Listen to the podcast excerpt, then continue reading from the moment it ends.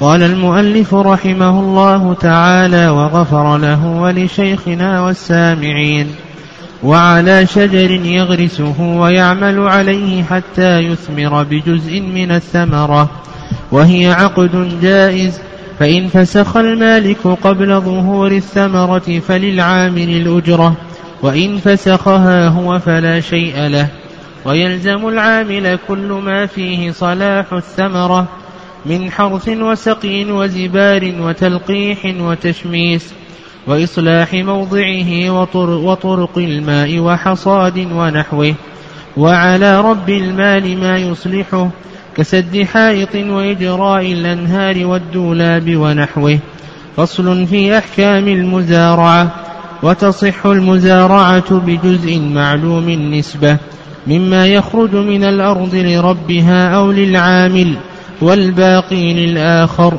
ولا يشترط كون البذر والغراس من رب الأرض وعليه عمل الناس. باب الإجارة تصح بثلاثة شروط معرفة المنفعة كسكنى دار وخدمة آدمي وتعليم علم. الثاني معرفة الأجرة وتصح في الأجير والضئر بطعامهما وكسوتهما. وإن دخل حماما أو سفينة أو أعطى ثوبه قصارا أو خياطا بلا عقد صح بأجرة العادة. تقدم لنا بقية الكلام عن أحكام الشركات. وتكلمنا عن شركة الوجوه كذلك أيضا شركة الأبدان شركة المفاوضة. وذكرنا أن شركة الأبدان نوعان أو قبل ذلك شركة الوجوه أن يشتري بذمتيهما دون أن يكون لهما مال. وأما شركة الأبدان فذكرنا أنها نوعان.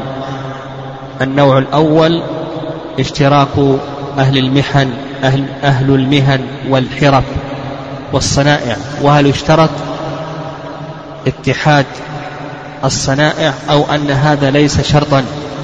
ذكرنا أن المشهور من مذهب الإمام أحمد رحمه الله أن هذا ليس شرطا وأن هذا جائز ولا بأس به.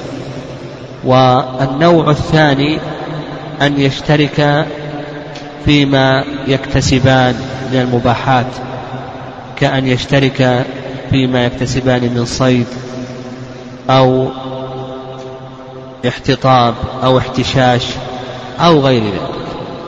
وأيضا تكلمنا عن شركة المفاوضة وذكرنا أن شركة المفاوضة لها نوعان النوع الأول أن يشترك في كل عمل بدني ومالي والنوع الثاني أن يدخل فيها أكسابا نادرة أو ما يلزم أحدهما من أرش جناية أو غصب أو ضمان غصب ونحو ذلك. تكلمنا على هذه الأقسام. هناك شركات وجدت في هذا الوقت والشركات الموجودة في هذا الوقت هي لا تخرج عن هذه الأنواع التي يذكرها العلماء رحمهم الله وإن اختلفت المسميات. فمثلا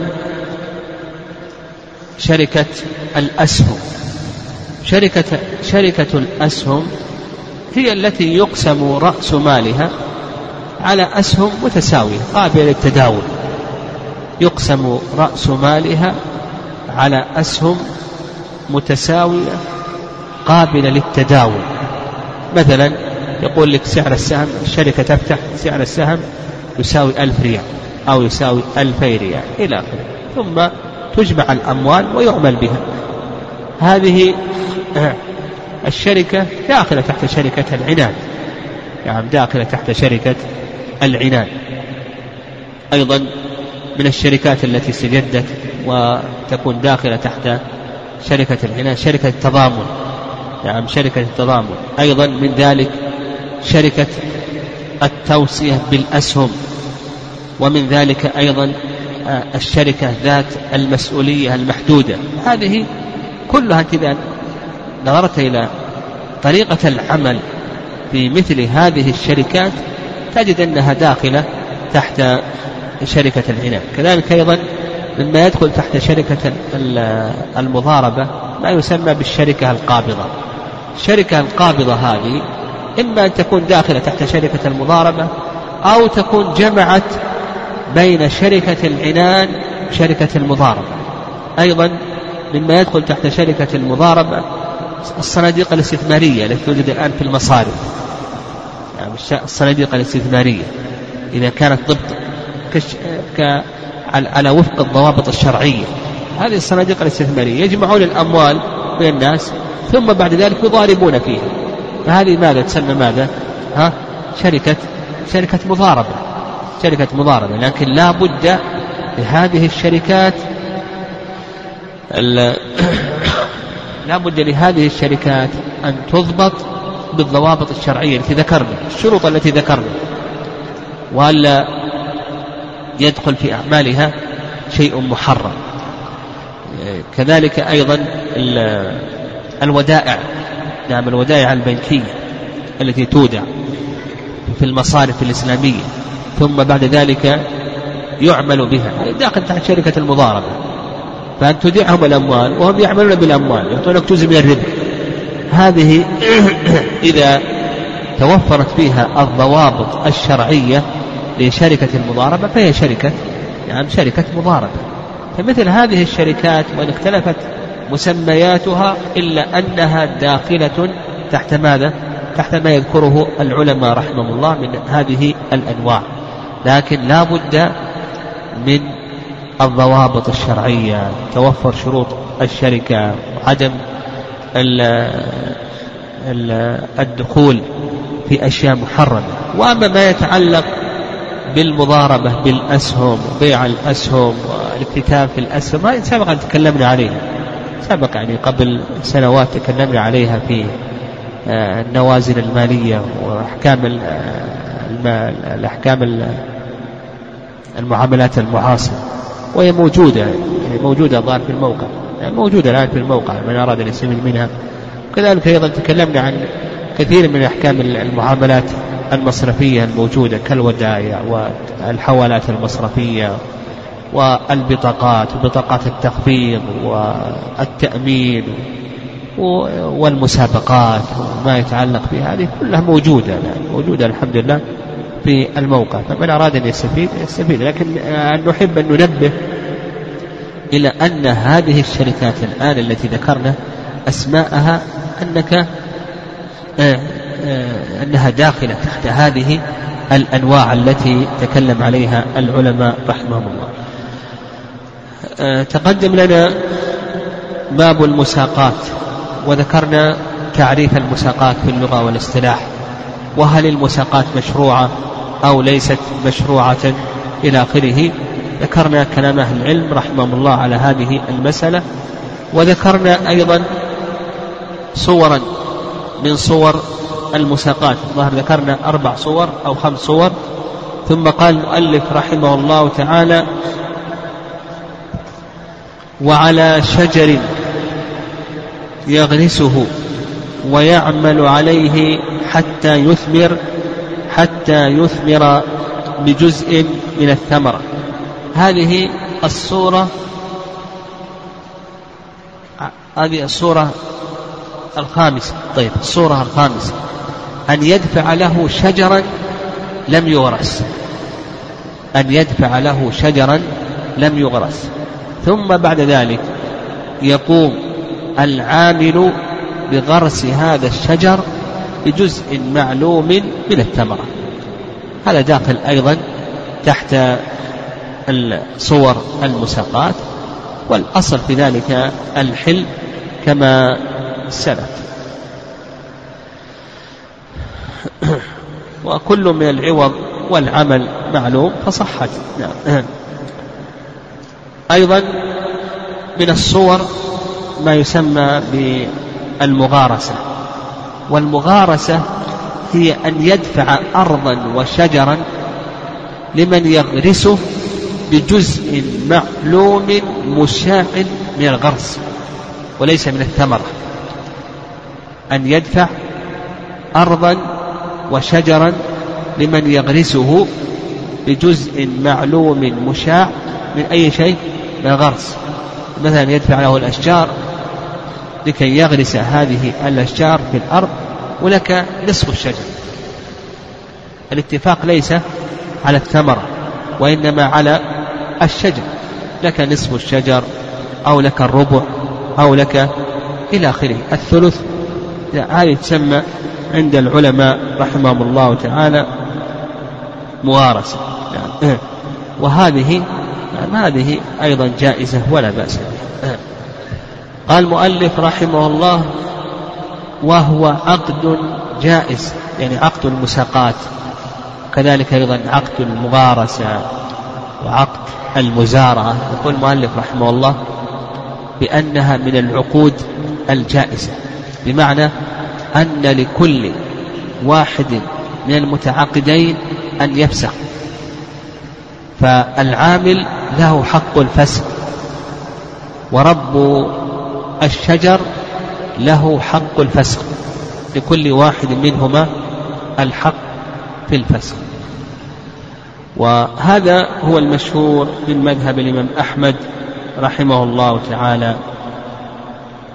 واستدلوا على ذلك بحديث ابن عمر رضي الله تعالى عنهما في الصحيحين لما عامل النبي صلى الله عليه وسلم أهل خيبر قال نقركم على هذا ما نشاء فقول النبي صلى الله عليه وسلم نقركم على هذا ما نشاء يعني فوض الإقرار إلى مشيئته هذا مما يدل على أن له أن يفسخ. وإذا كان له الحق في الفسق فإن فإن هذا يدل على أنه عقد جائز وليس عقدا لازما. وكذلك نعم. والرأي الثاني الرأي الثاني أن عقد المساقات عقد لازم وهذا ما عليه أكثر أهل العلم.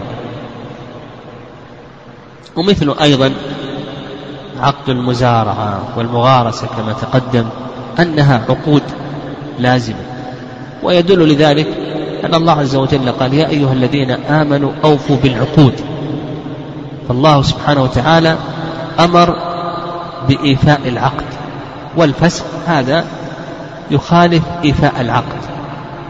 وكذلك أيضا الله عز وجل قال والذين هم لأماناتهم وعهدهم راعون حيث أبي هريرة المسلمون على شروطهم هذا مما يدل على أنه عقد لازم يجب التوفيق به.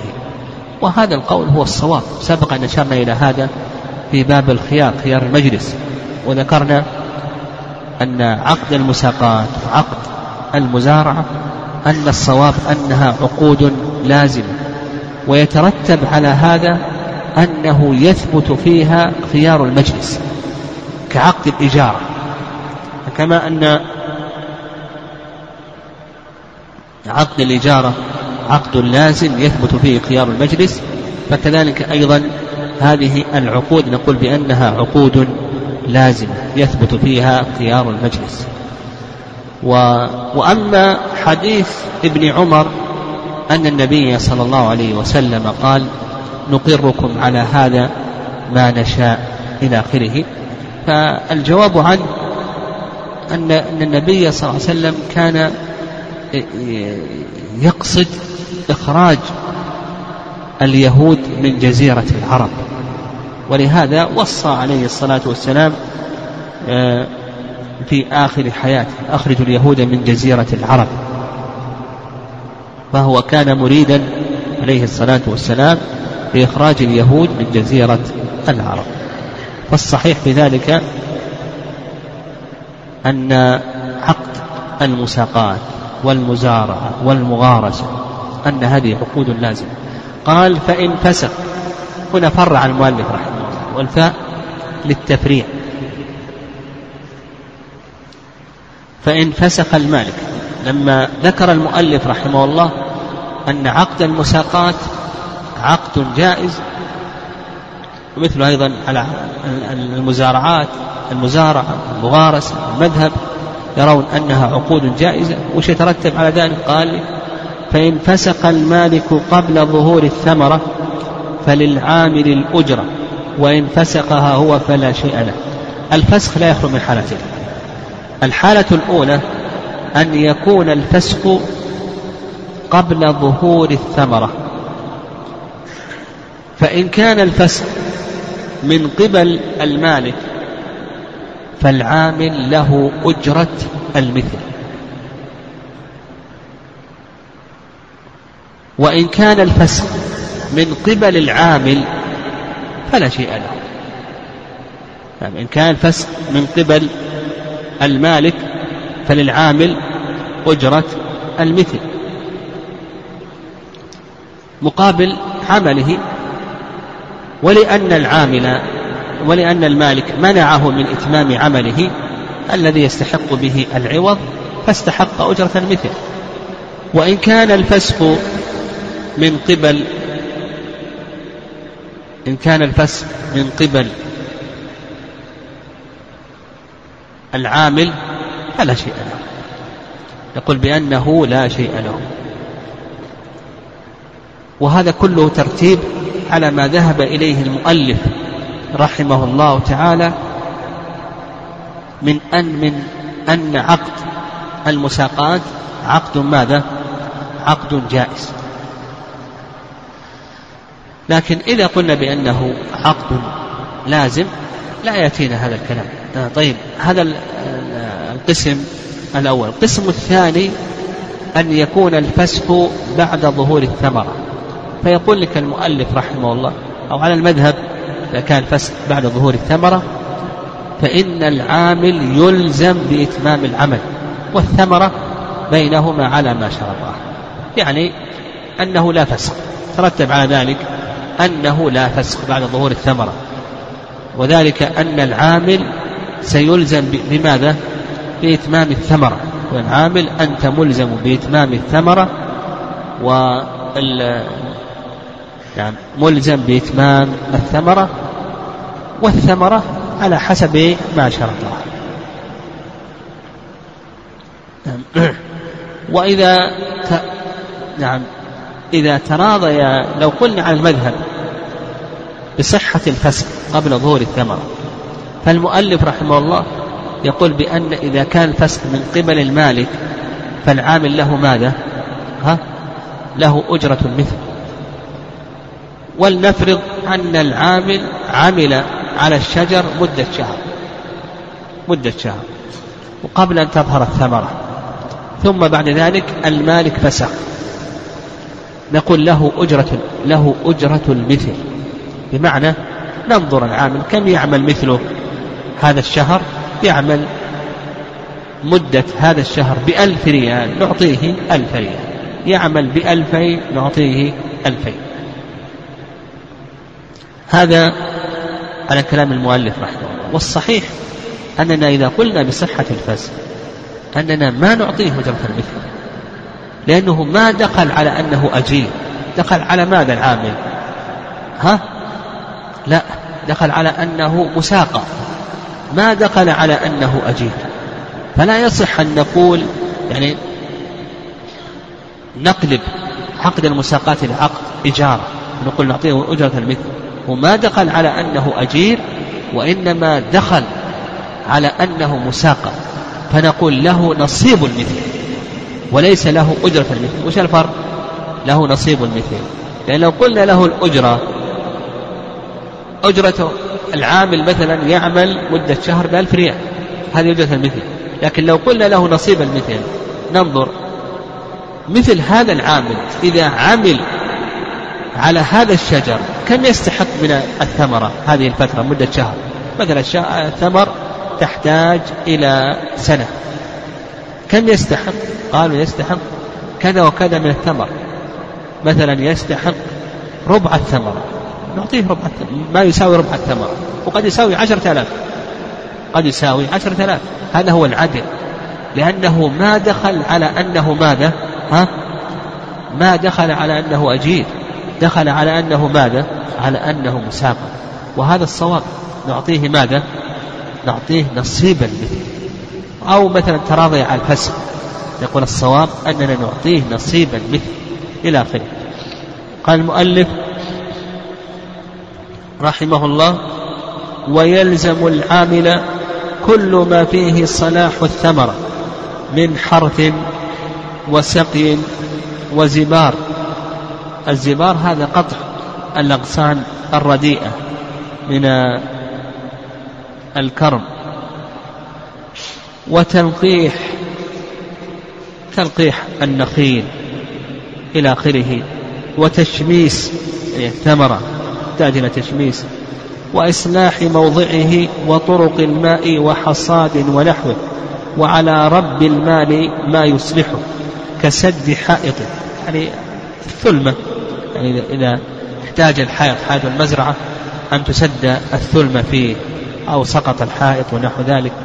وإجراء الأنهار الأنهار المقصود الجداول الصغيرة النهر الصغير الجدول الصغير الذي يذهب إلى الزرع والأشجار إلى آخره. والدولاب. الدولاب كما تقدم لنا أنها آلات تديرها تديرها البقر ونحوه. هنا أراد المؤلف رحمه الله أن يبين لنا ما الذي يلزم العامل في باب المساقات ورب الشجر في باب المساقات. ما الذي يلزم كل واحد منهما؟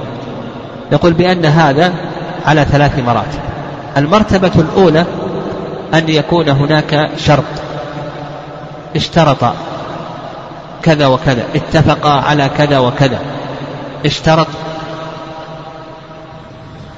العامل على رب الشجر كذا اشترط رب الشجر على العامل كذا. المسلمون على شروطه إذا كان هناك شرط فنقول بأن المسلمين على شروط.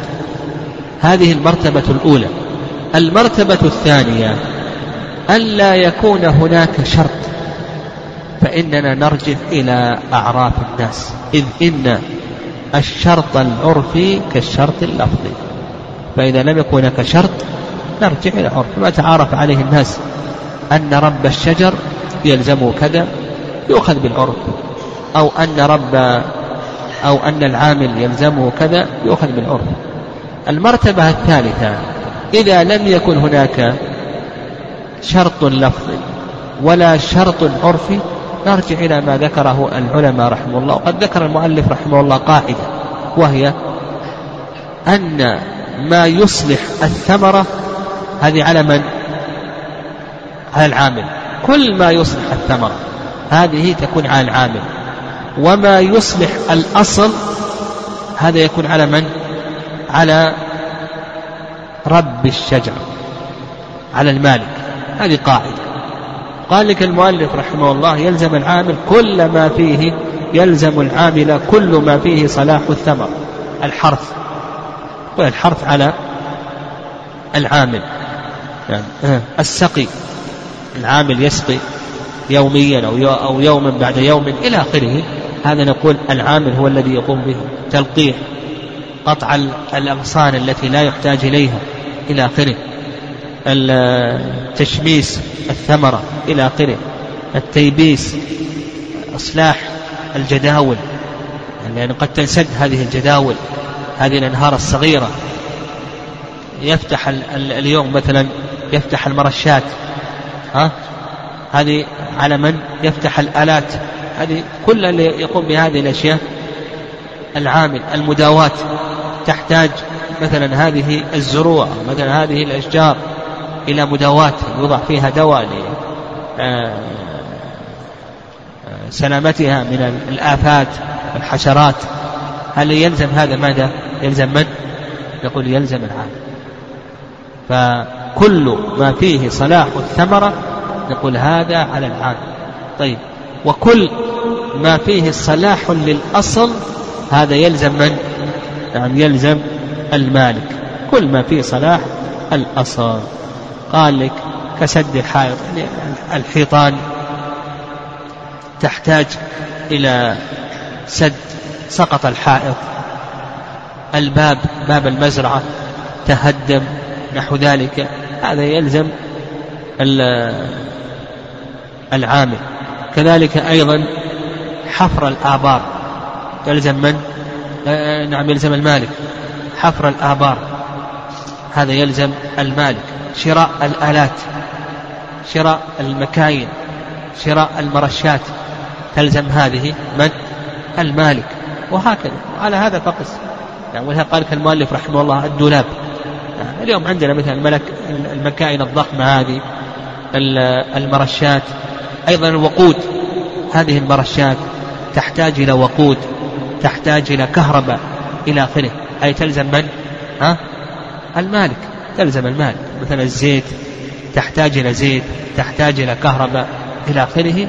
نقول بأنها لازمة للمالك قال رحمه الله تعالى فصل وتصح المزارعة. نعم. المزارعة من زرع الحب زرعا وزراعة أي بذره. وأما في الاصطلاح فهي دفع أرض لمن يقوم بزراعتها بجزء معلوم من الزرع. دفع أرض لمن يزرعها بجزء معلوم من الزرع. يدفع له الأرض على أن يقوم بزراعتها وله النصف. يزرعها برا يزرعها شعيرا.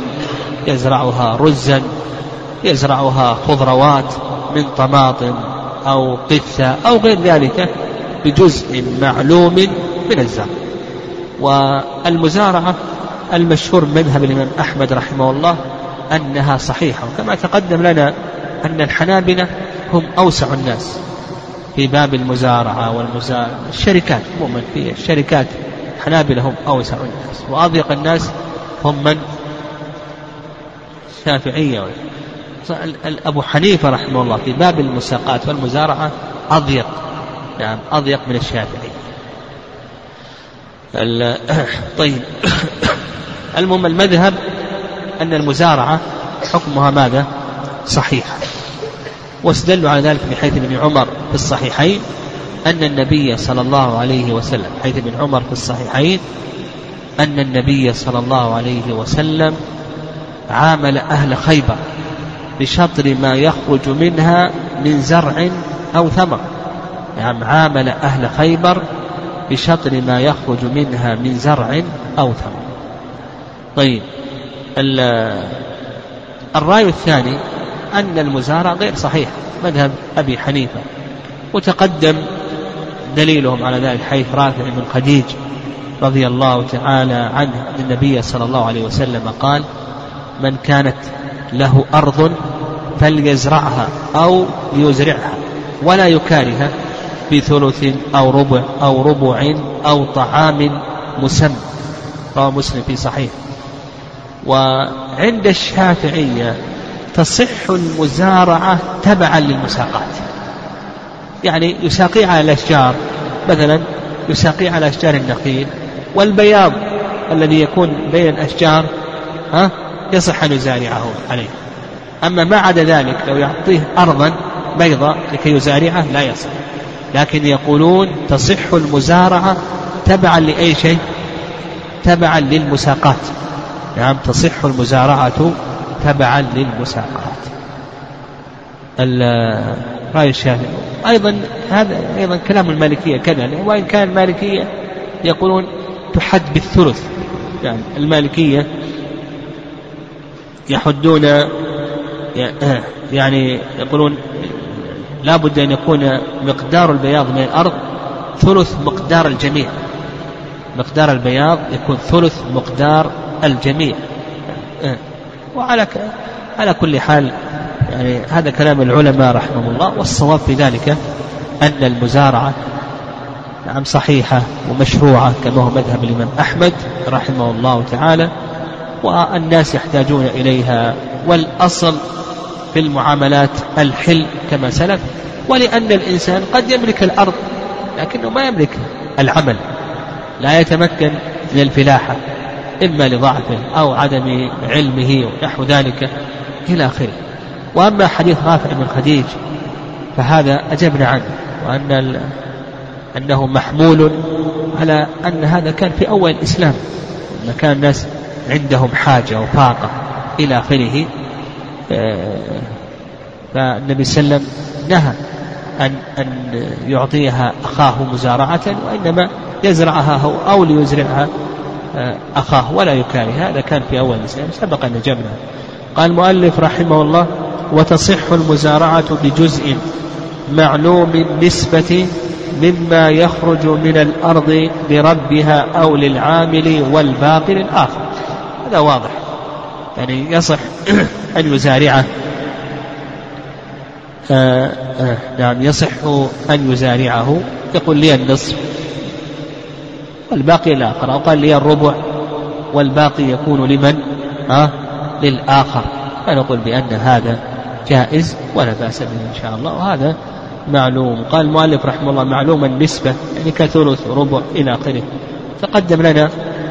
آه أنه لو كان معلوم العين وقوله معلوم النسبة يخرج ما إذا كان معلوم العين ما يصح. لكن معلوم النسبة ثلث ربع هذا جائز. لكن لو قال لي ثمر النخيل ولك ثمر برتقال أو لي ثمر البرتقال ولك ثمر التفاح ها؟ وإن كان معلوم العين ما يصح هذا لما تقدم. قال ولا يشترط كون البذر والغراس من رب الأرض. هذا ما الذي ذهب إليه الماتن هذا خلاف المشهور من المذهب. هذا خلاف المشهور من مذهب الإمام أحمد رحمه الله. مذهب الإمام أحمد رحمه الله في باب المزارعة باب المغارسة لا بد نعم لا بد أن يكون البذر من رب الأرض. ما يكون من العامل كالمضاربة. المضاربة تعطيه المال لكي يعمل عليه. يعني المضاربة تعطيه المال لكي يعمل عليه. مثل أيضا المزارعة. تعطيه البذر لكي يعمل على هذه الأرض. فالبذر يجعلونه بمنزلة ماذا؟ بمنزلة المال كالمضاربة. يعني لكن الماتن رحمه الله تعالى خالف المذهب في هذه المسألة. وقالوا بأن هذا وارد عن عمر رضي الله تعالى عنه كذلك أيضا وارد عن ابن مسعود. نعم هذا وارد عن ابن عمر وابن مسعود رضي الله تعالى عنهما. نعم. وهو اختيار شيخ الإسلام تيمية رحمه الله. يعني اختيار شيخ الإسلام تيمية رحمه الله. تقدم لنا حيث ابن عمر يعني مما يدل ذلك حيث ابن عمر رضي الله تعالى عنهما أن النبي صلى الله عليه وسلم عامل أهل خيبر بشطر ما يخرج منها من زرع وثمر ولم يرد أن النبي صلى الله عليه وسلم دفع لهم البذر. ما ورد النبي صلى الله عليه وسلم دفع لهم البذر. والذي يظهر والله أعلم أن البذر إنما هو من أهل خيبر. فنقول السنة كذلك أيضا الآثار الواردة عن الصحابة رضي الله تعالى عنهم تدل لما ذهب إليه الماتن ولأن الأصل في المعاملات أن الأصل في المعاملات الحل. قال المؤلف رحمه الله تعالى طيب آه، بقينا في مسألة قبل أن يعني مسألة توجد اليوم كثيرا ويسأل عنها الناس كثيرا. آه، آه، يعني ما تكلمنا عليه هو المساقات والمزارعة يعني المساقات والمزارعة. المساقات يدفع له الشجر كما تقدم بجزء معلوم من الثمرة جزء معلوم مشاع من الثمرة. المزارعة أن يدفع له الأرض بجزء معلوم مشاع من الزرع. هاتان المسألتان والمغارسة كما تقدم بجزء معلوم من الغرس من الشجر. هذه المسائل الثلاثة بقينا في مسألة أخرى وهي تأجير الأرض أو تأجير النخل تأجير الأرض يعني يؤاجره الأرض. ليس على سبيل ماذا؟ ها؟ ليس على سبيل المساقات أو المزارعة وأجرتك الأرض بعشرة آلاف ريال. اعمل اغرس ازرع اللي تريد. المملك تعطيني عشرة آلاف ريال. تأجير الأرض أو تأجير الأرض بطعام. نعم تأجير الأرض. تأجير الأرض له ثلاث أقسام. القسم الأول تأجير الأرض بالنقود أو بالعروض. يعني تأجير الأرض بالنقود أو بالعروض. فجماهير العلماء أن هذا جائز ولا بأس به. يعني جماهير العلماء أن هذا جائز ولا بأس به.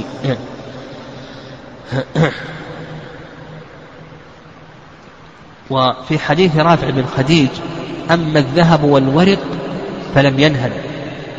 فإذا أجره الأرض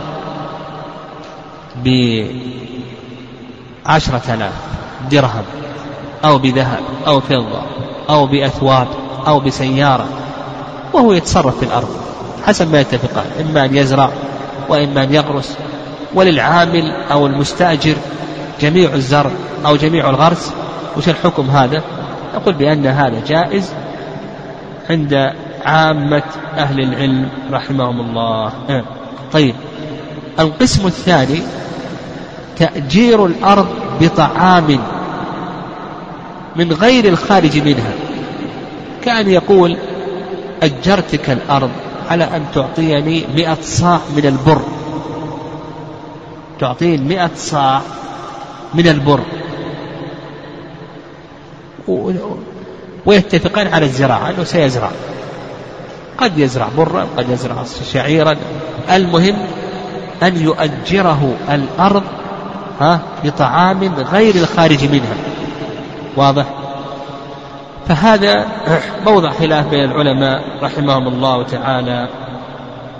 الرأي الأول أن هذا ممنوع وهذا قال به الإمام مالك رحمه الله تعالى والرأي الثاني أن هذا جائز وقال به أبو حنيفة والشافعي. يعني وهو المذهب. يعني جمهور العلماء على أن هذا جائز ولا بأس به. فالخلاصة أن جمهور العلماء أنه إذا أجره الأرض بطعام غير الخارج منها. أجرتك الأرض لكي تزرع بمئة صاع من البر أو بمئة صاع من الرز أو من الشعير أو نحو ذلك فإن هذا جائز ولا بأس به ولا بأس به. طيب القسم الثالث تأجير الأرض بطعام مما يخرج منها. كان يقول أعطني مئة صاع أجرتك الأرض بمئة صاع من الزرع لتزرع. أعطني أجرتك الأرض بمئة صاع مما تزرعه من بر أو رز أو شعير. هذا موضع خلاف بين العلماء أيضا. والأقرب في هذه المسألة أن هذا غير جائز. يعني لو قلنا بالجواز ها أدى ذلك إلى ماذا؟ أن يزارعه يعني يكون وسيلة إلى أن تكون هذه مزارعة على شيء معين. هذه وسيلة أن تكون مزارعة إلى شيء معين. تقدم لنا حيث رافع ابن خديج رضي الله تعالى عنه. يعني تقدم لنا قول رافع ابن خديج.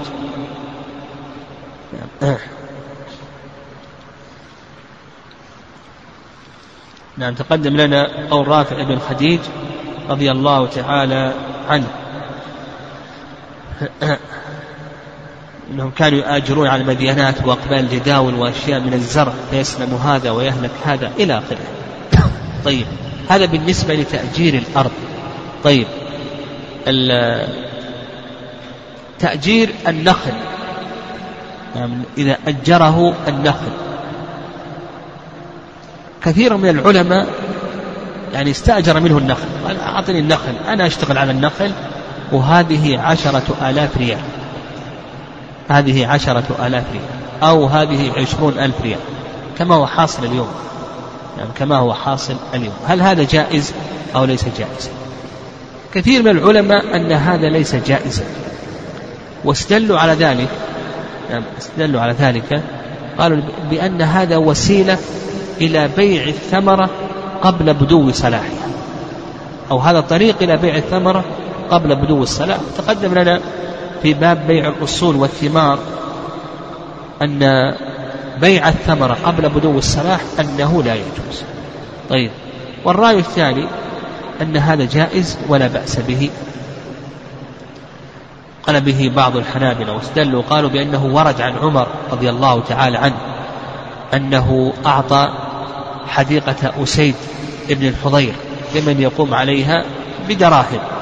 يعني يظهر والله أعلم أنه إن كان ليظهر والله أعلم أنه إن كان بعد بدو الثمر هذا لا يجوز.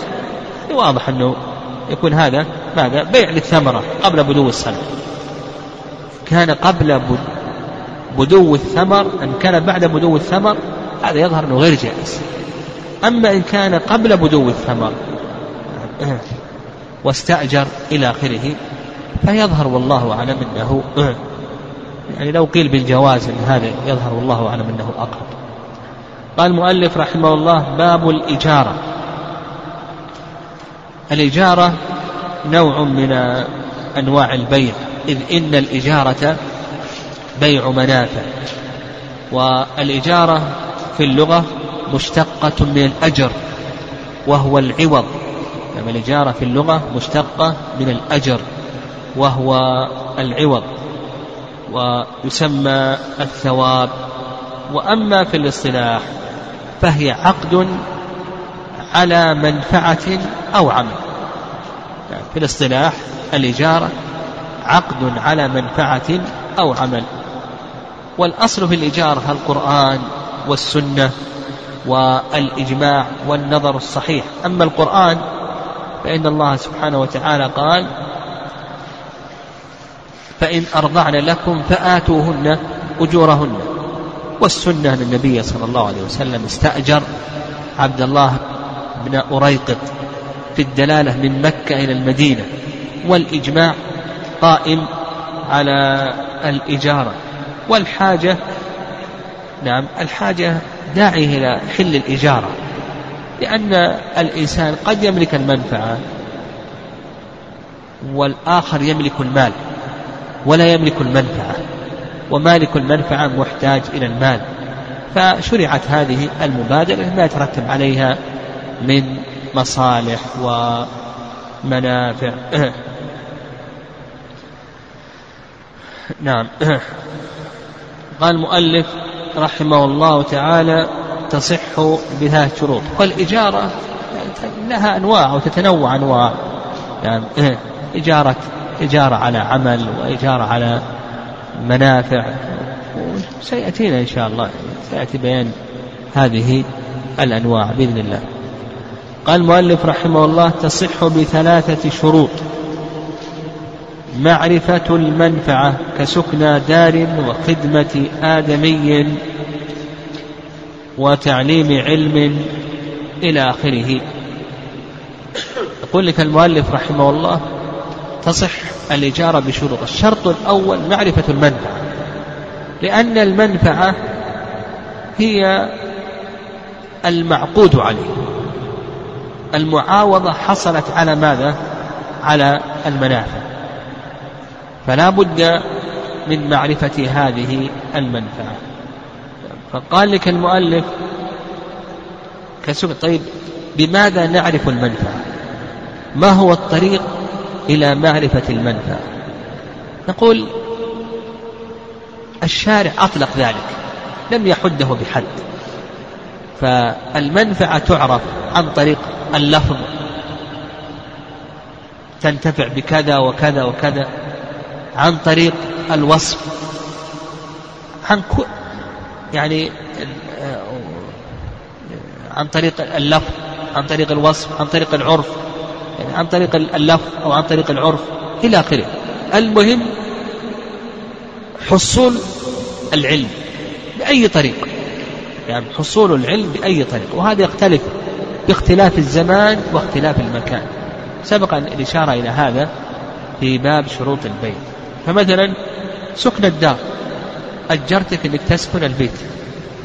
وش المنفعة اللي ما في ما في حاجة أنك تقول تنام بموضع النوم وتطبخ بالمطبخ ها؟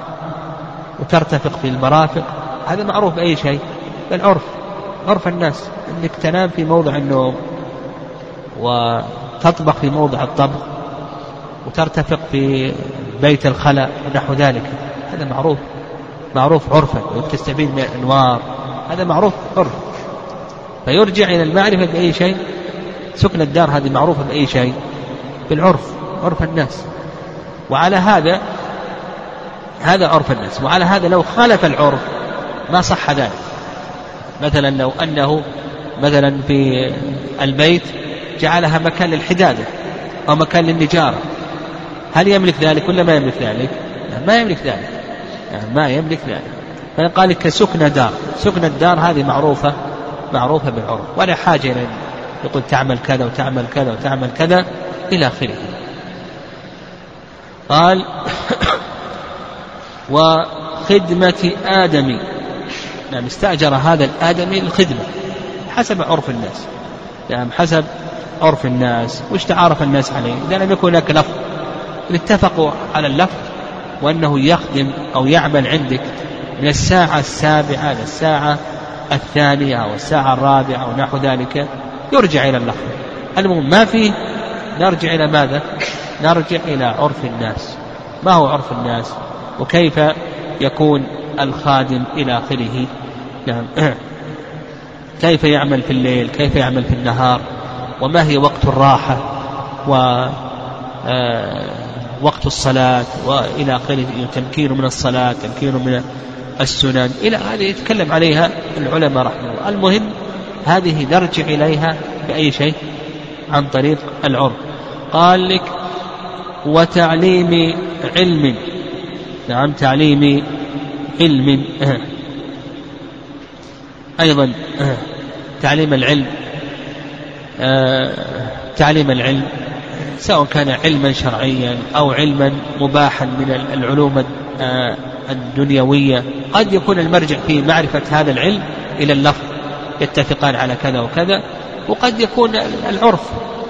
نعم قد يكون العرف. تعارف الناس على أن تعليم القرآن فترة كذا وتعليم الفقه فترة كذا والعقيدة ونحو ذلك. المهم معرفة المنفعة كما تقدم إما أن يكون هناك اللفظ إما أن يكون هناك لفظ وإما أن يكون هناك عرف تعارف عليه الناس. فإذا لم يكن هناك عرف لا بد من اللفظ. لا بد من اللفظ. نعم. قال رحمه الله الثاني معرفة الأجرة. الكلام في معرفة الأجرة كالكلام في معرفة المنفعة المعقود عليه. أيضا لأن الأجرة معقود عليه. فلا بد أيضا من معرفة الأجرة. كم الأجرة؟ إما عن طريق العرف أو عن طريق ماذا؟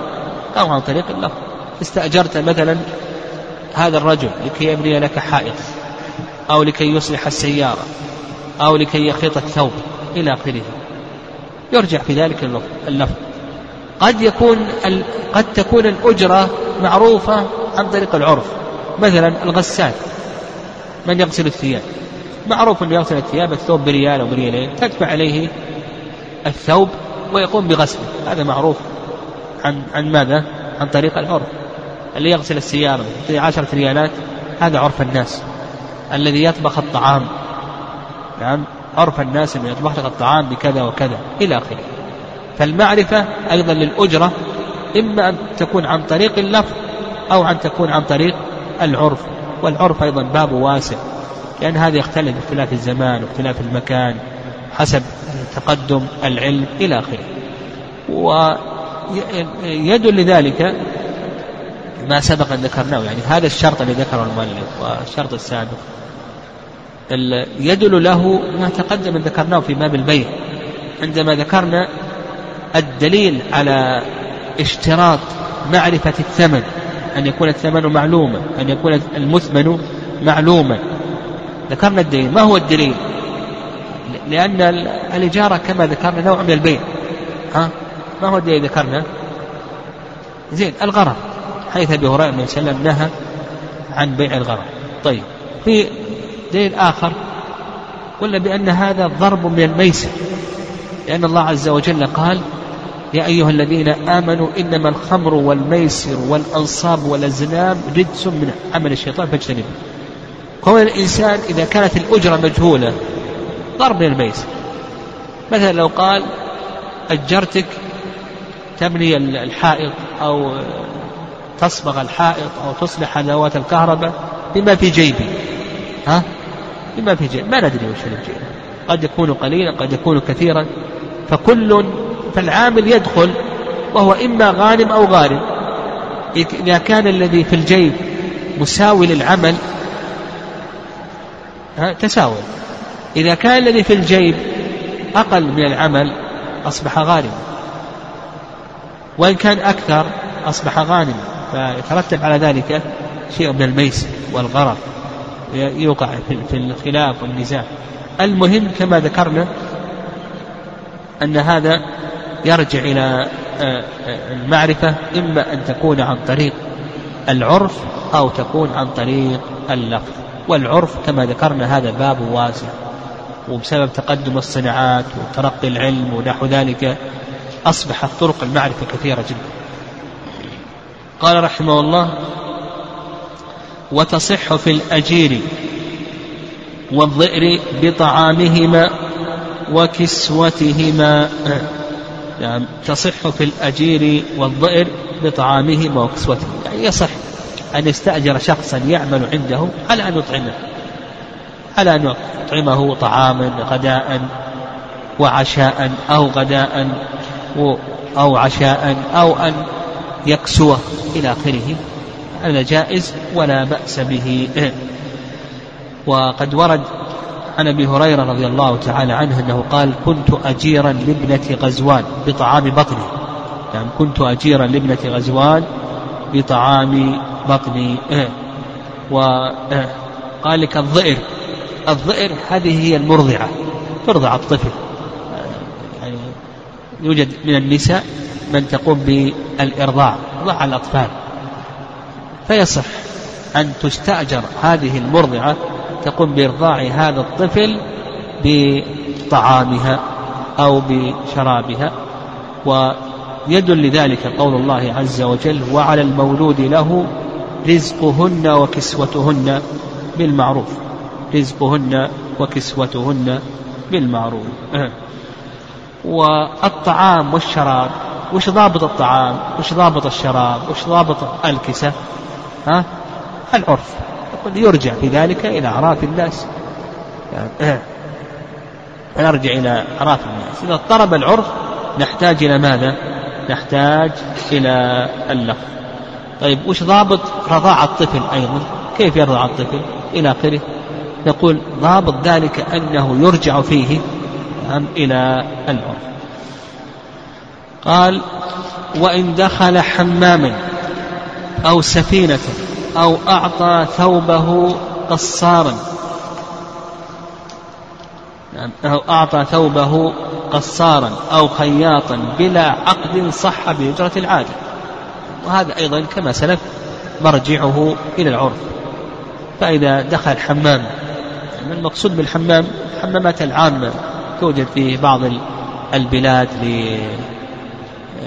لتنظيف البدن ونحو ذلك إلى آخره. أو ركب سفينة أو ركب حافلة تقل الناس تحمل الناس إلى آخره. أنا أقول يرجع في ذلك إلى ماذا؟ إلى أعراف الناس. أو أعطى ثوبه قصارا. أو كذلك أيضا أعطى ثوبه خياطا إلى آخره ليعمل فيه. يعني ليعمل فيه ثوب الخياط لكي يخيطه. انظر إلى آه، عرف الناس كم يخاط أو القصار مثل أيضا الغسال نحو ذلك. قال المؤلف رحمه الله تعالى صح بأجرة العادة. الثالث نقف عليه.